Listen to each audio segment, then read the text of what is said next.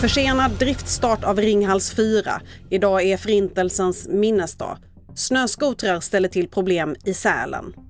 Återstarten av kärnkraftverket Ringhals 4 försenas ytterligare. Nu dröjer det fyra veckor till innan kärnkraftverket kan tas i drift. Starten planeras nu till mitten av mars. Idag den 27 januari är Förintelsens minnesdag.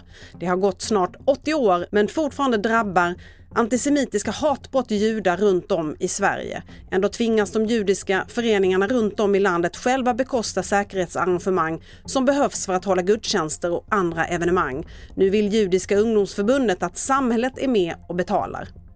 Stigande räntor och fallande bostadspriser skrämmer bort köpare från nyproduktionsmarknaden.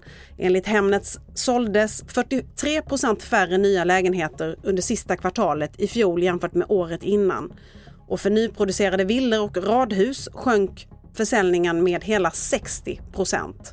Det minskade försäljnings, eh, antalet försäljningar beror på en, en, marknad som har förändrats tydligt här då, med, en, med en minskad betalningsförmåga hos, eh, på efterfrågesidan eh, och en, eh, till följd av den här högre ränta och högre eh, elpriser, elkostnader som skapar det här.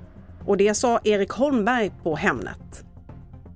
Runt en halv miljon kvinnor kan drabbas av bristen på läkemedel med östrogen som just nu råder i Sverige. Hormonet är betydelsefullt för många kvinnor med klimakteriebesvär och som hjälpmedel för att bli gravid. Problemen med snöskoteråkare som missköter sig i Sälenfjällen är värre än någonsin tidigare enligt den lokala snöskoterklubben som vänder sig till polisen för att få hjälp med buset. En klubbmedlem säger att det är katastrof eftersom de kör på förbudsområden i längdspår och gräver ner sig i skoterlederna.